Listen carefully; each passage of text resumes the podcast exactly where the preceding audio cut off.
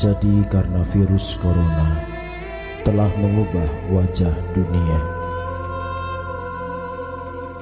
Jutaan orang terinfeksi, bahkan tidak sedikit nyawa melayang.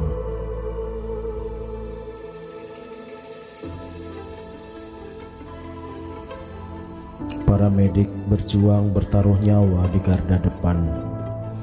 Tatanan baru terpaksa diterapkan.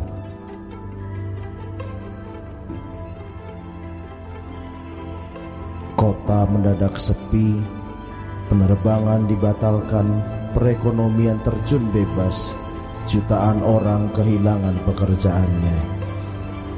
Semua tatanan yang telah dibangun selama ini runtuh. Segala sesuatu yang dibangun menjadi sia-sia. Tetapi apakah segala sesuatu sungguh sia-sia?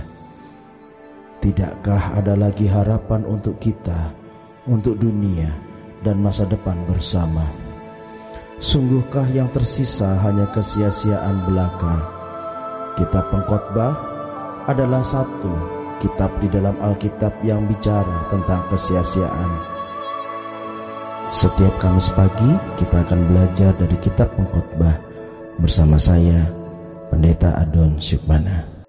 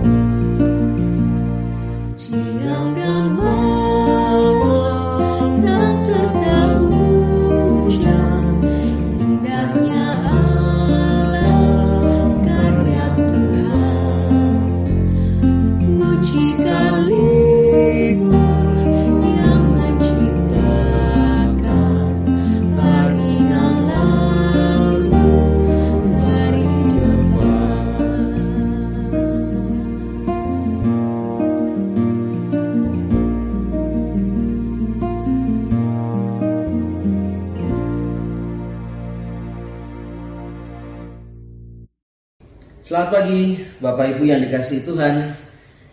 Kita kembali lagi bersama-sama eh, dalam doa pagi seri kita pengkhotbah. Dan saat ini kita bersama-sama sudah sampai pada bagian ke-8 dari seri kita pengkhotbah ini. Firman Tuhan yang akan kita renungkan adalah kitab pengkhotbah pasal 5 ayat 7 sampai pasal 6 ayat 12. Pengkhotbah pasal 5 ayat 7 sampai pengkhotbah pasal 6 ayat 12. Lembaga Kitab Indonesia memberikan sebuah judul kesia-siaan kekayaan. Kesia-siaan ke- akan kekayaan. Ya, Bapak Ibu, mari sebelum kita bersama-sama eh, merenungkannya, kita membaca eh, pengkhotbah pasal 5 ayat 7 sampai pasal 6 ayat 12 ini. Ya, kesia-siaan. Mari kita membacanya.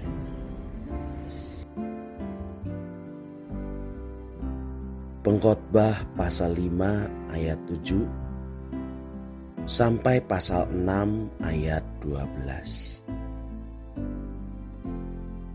Kalau engkau melihat dalam suatu daerah orang miskin ditindas dan hukum serta keadilan diperkosa, janganlah heran akan perkara itu karena pejabat tinggi yang satu mengawasi yang lain. Begitu pula pejabat-pejabat yang lebih tinggi mengawasi mereka. Suatu keuntungan bagi negara dalam keadaan demikian ialah kalau rajanya dihormati di daerah itu.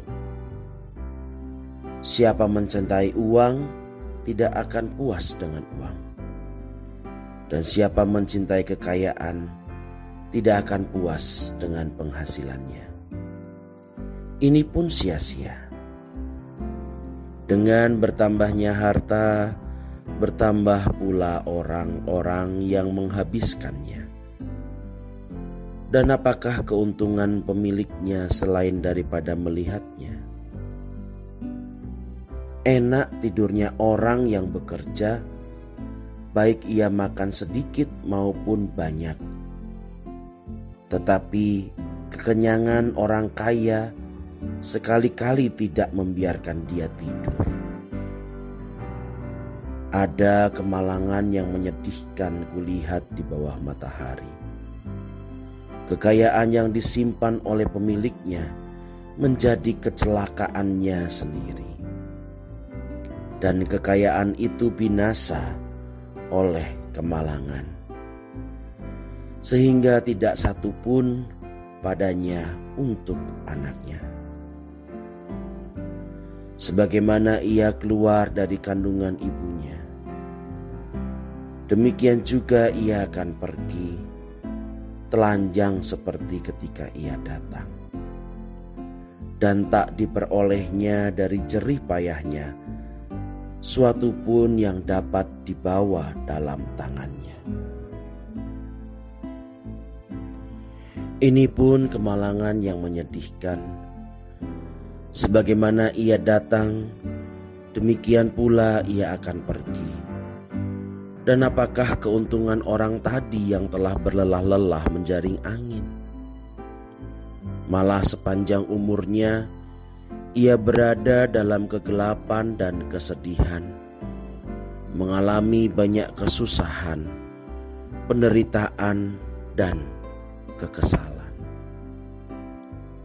Lihatlah, yang kuanggap baik dan tepat ialah kalau orang makan, minum, dan bersenang-senang dalam segala usaha yang dilakukan dengan jerih payah di bawah matahari selama hidup yang pendek yang dikaruniakan Allah kepadanya. Sebab itulah bahagiannya.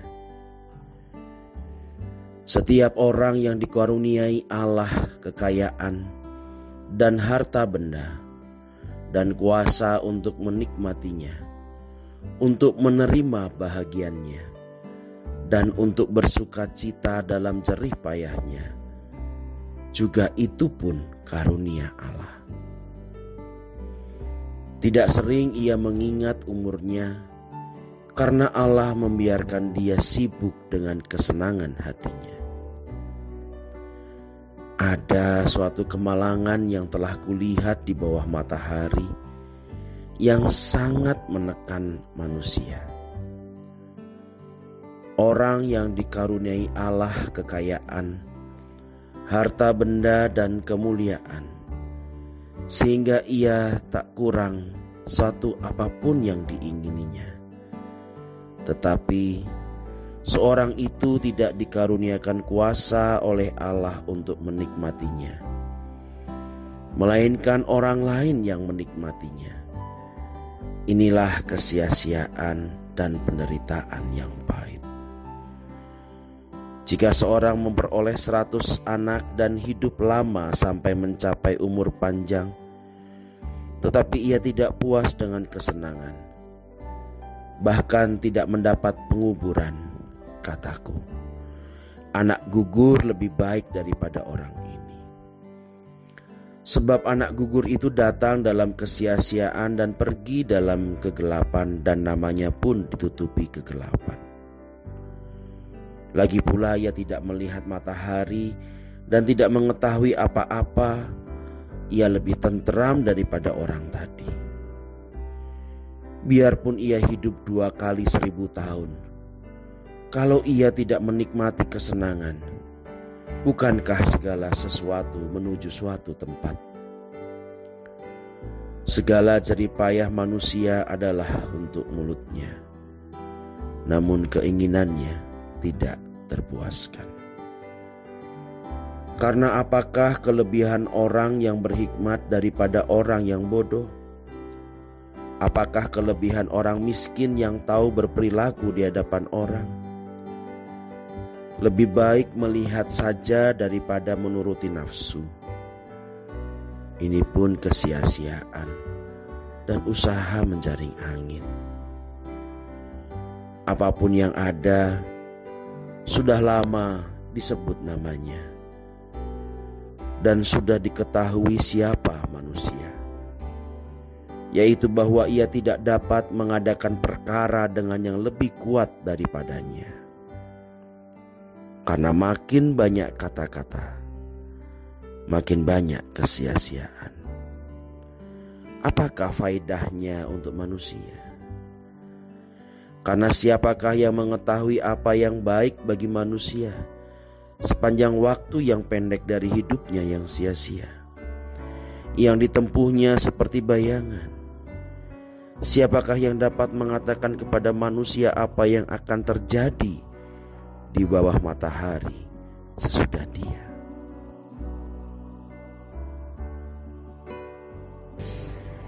Mari sebelum kita merenungkan firman Tuhan, kita berdoa. Mari kita Terima kasih Tuhan memberikan kami pagi yang indah di mana kami boleh bersama-sama bangun dalam kesegaran yang baru dan dalam pengharapan yang baru. Saat ini kami akan bersama-sama merenungkan sabdamu dan biarlah dari kitab pengkhotbah kami boleh belajar tentang kebijaksanaan hidup yang kau ajarkan dalam kehidupan. Tuntun hambamu yang penuh dengan segala kelemahan dan kekurangan. Dan juga tuntun kami semua agar kami dapat memahami dan juga mengerti Kristus Yesus Amin. Nah, Bapak Ibu yang dikasih Tuhan, nas yang pada saat ini kita akan renungkan dari perikop itu saya ambil dari satu ayat yaitu ayatnya yang ke-17. Ya, kenapa? Nanti kita akan lihat bersama-sama. Kitab Pengkhotbah pasal yang kelima ayat 17 di sana tertulis demikian. Lihatlah yang kuanggap baik dan tepat ialah kalau orang makan, minum, dan bersenang-senang dalam segala usaha yang dilakukan dengan jerih payah di bawah matahari selama hidup yang pendek yang dikaruniakan Allah kepadanya. Sebab itulah bahagiannya.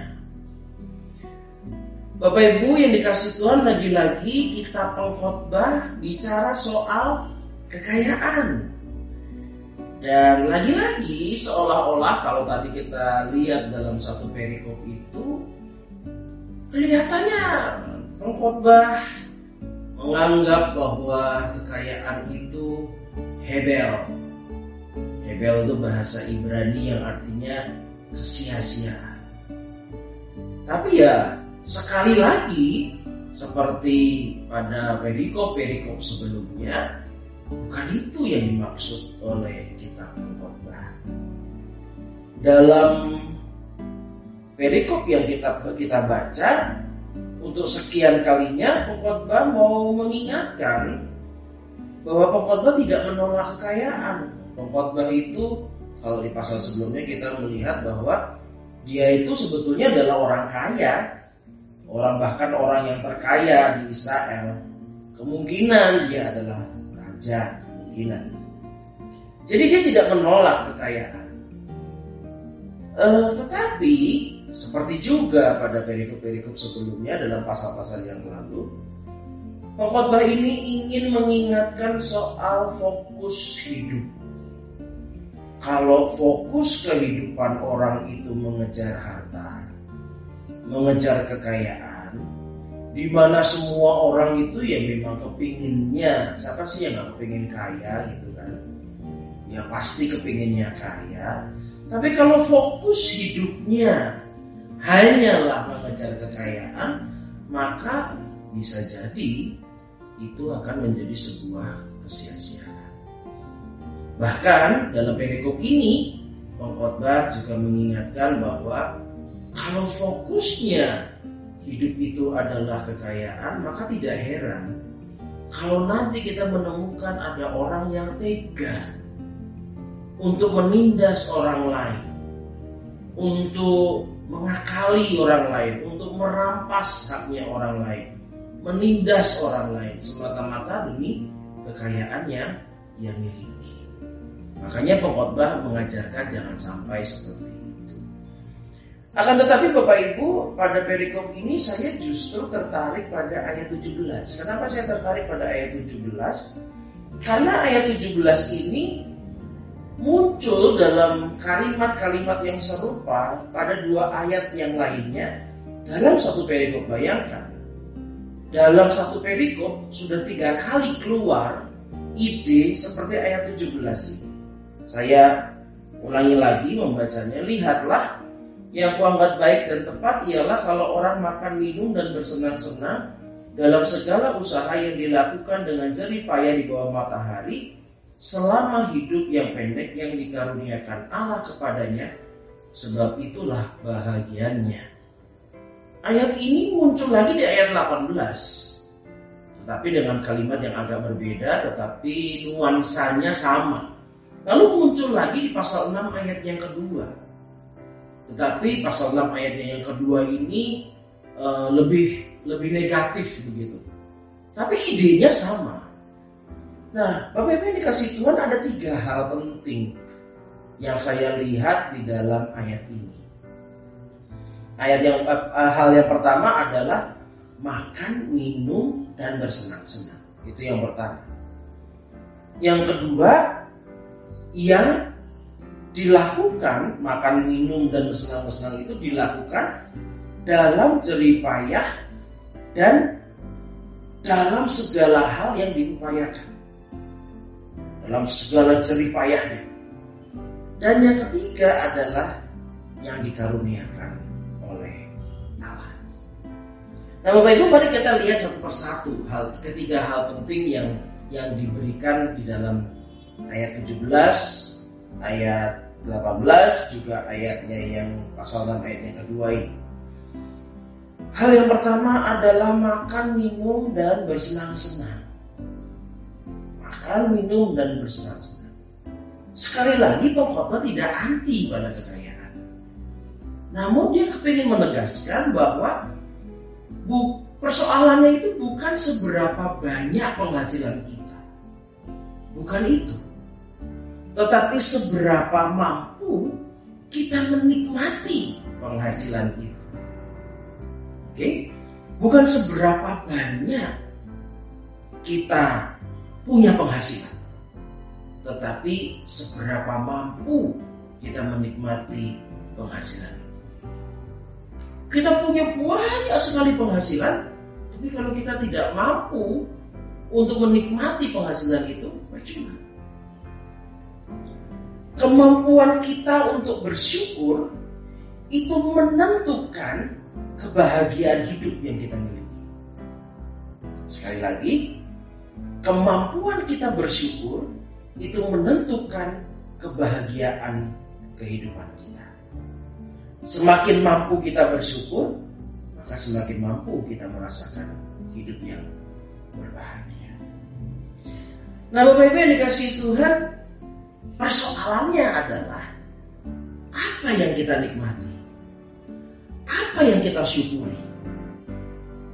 Apa yang kita kita rasakan eh, bahwa yang akan kita yang akan kita nikmati dalam kehidupan ini? Penghasilan seperti apa yang yang layak untuk kita nikmati? Nah itu ada di yang kedua. Penghasilan yang pantas untuk kita nikmati, penghasilan yang pantas untuk kita syukuri adalah penghasilan yang kita dapatkan dari usaha dan kerja keras kita. Ya. Alkitab itu mengajarkan barang siapa tidak bekerja, janganlah makan. Jadi kalau mau makan, ya bekerja. Kalau mau bahagia, ya kerja. Kalau mau e, mendapatkan upah, ya usaha. Yang nggak kerja, nggak usah makan. Ya kalau kita nggak nggak usaha, tidak berupaya, ya bagaimana kita mendapatkan kebahagiaan itu juga? Ya. Nah, usaha apa yang mesti kita lakukan? Usaha yang bagaimana yang harus kita lakukan? Nah ini bagian yang ketiga. Usaha yang dikaruniakan Allah. Usaha di mana kita, eh, di mana Allah berkenan pada usaha itu. Usaha yang tidak merugikan orang lain. Usaha yang tidak menindas orang lain. Usaha yang tidak menyengsarakan orang lain. Tidak menipu orang lain. Usaha yang diberkati oleh Tuhan. Bapak Ibu yang dikasih Tuhan, memasuki masa pandemi ini yang sudah sedemikian lama panjangnya, kita sedang berhadapan dengan sebuah isu yang menggetarkan hati kita.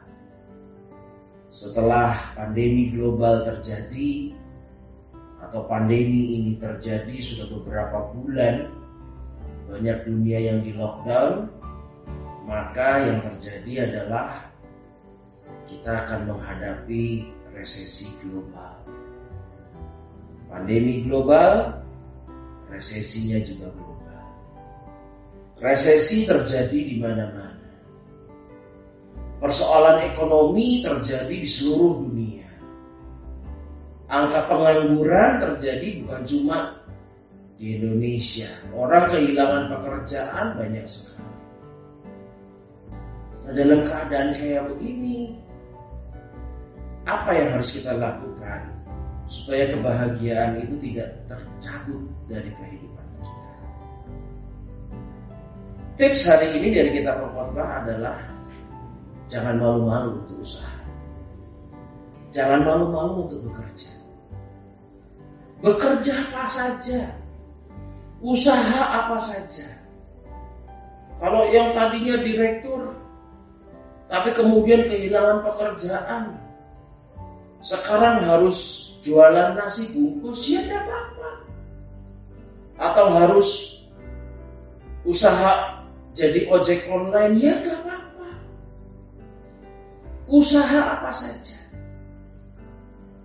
Tapi Tadi pengkhotbah juga mengingatkan kepada kita, usaha yang kita lakukan adalah usaha yang berkenan di hadapan Tuhan.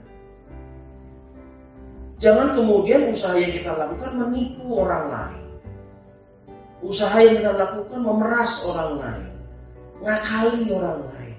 Gak akan ada berkatnya. Seberapapun besar hasil dari usaha penipuan yang kita lakukan kepada orang kita tidak akan menikmatinya. Tidak akan. Jadi usaha apa saja yang penting halal. Usaha apa saja yang penting dikaruniai atau diberkati oleh Tuhan. Tapi hal yang ketiga, yang paling penting adalah seberapapun hasilnya bersyukur. Seberapapun hasilnya nikmatilah. Syukuri itu. seberapapun hasilnya. Jangan dibandingkan dengan penghasilan dulu sebelum pandemi. Wah dulu saya direktur, gaji saya sebulan 50 juta. Sekarang penghasilan ojek online, saya harus jadi ojek online.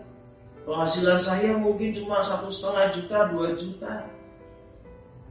Ya disyukuri. Yang ada saat ini adalah itu.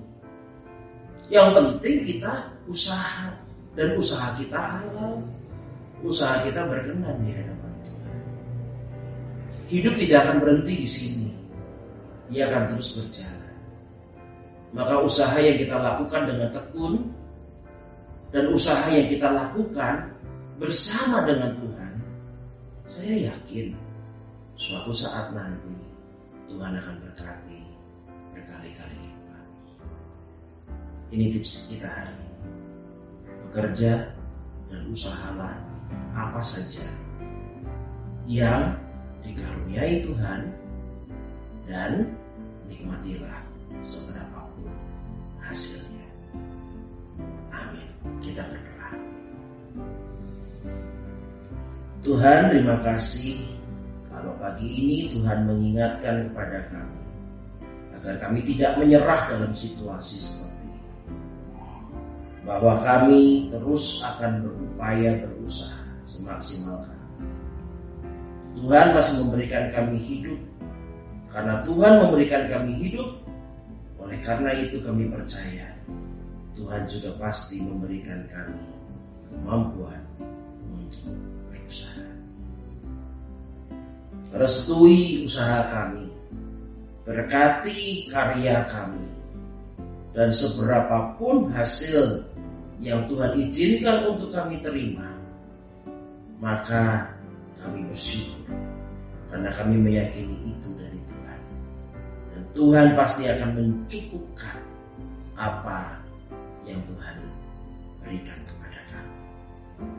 Terima kasih Tuhan kami akan memulai hari ini dengan usaha kami, dengan karya kami, apa pun kami lakukan. Karena kami percaya kami lakukan di dalam Tuhan. Kami tidak menipu, tidak merugikan orang lain. Maka Tuhan sendiri juga yang akan memberkati usaha kami. Terima kasih ya Tuhan. Dalam nama Tuhan Yesus kami. Amin. Bapak Ibu yang dikasih Tuhan, demikianlah doa pagi kita pada hari ini. Minggu depan kita masih terus ketemu dalam doa pagi seri kita pengkhotbah dan saya juga mengingatkan untuk Bapak Ibu bisa menikmati program-program online lainnya yang ada di GKI Gatot Subroto. Terima kasih, selamat berusaha, selamat berkarya. Saya yakin usaha dan karya yang Bapak Ibu lakukan hari ini adalah usaha dan karya yang diberkati oleh Tuhan, yang berkenan, yang halal, dan saya percaya hasilnya berapapun itu akan mencukupkan segala kebutuhan Bapak Ibu sekalian. Tuhan memberkati Bapak Ibu. Sampai ketemu.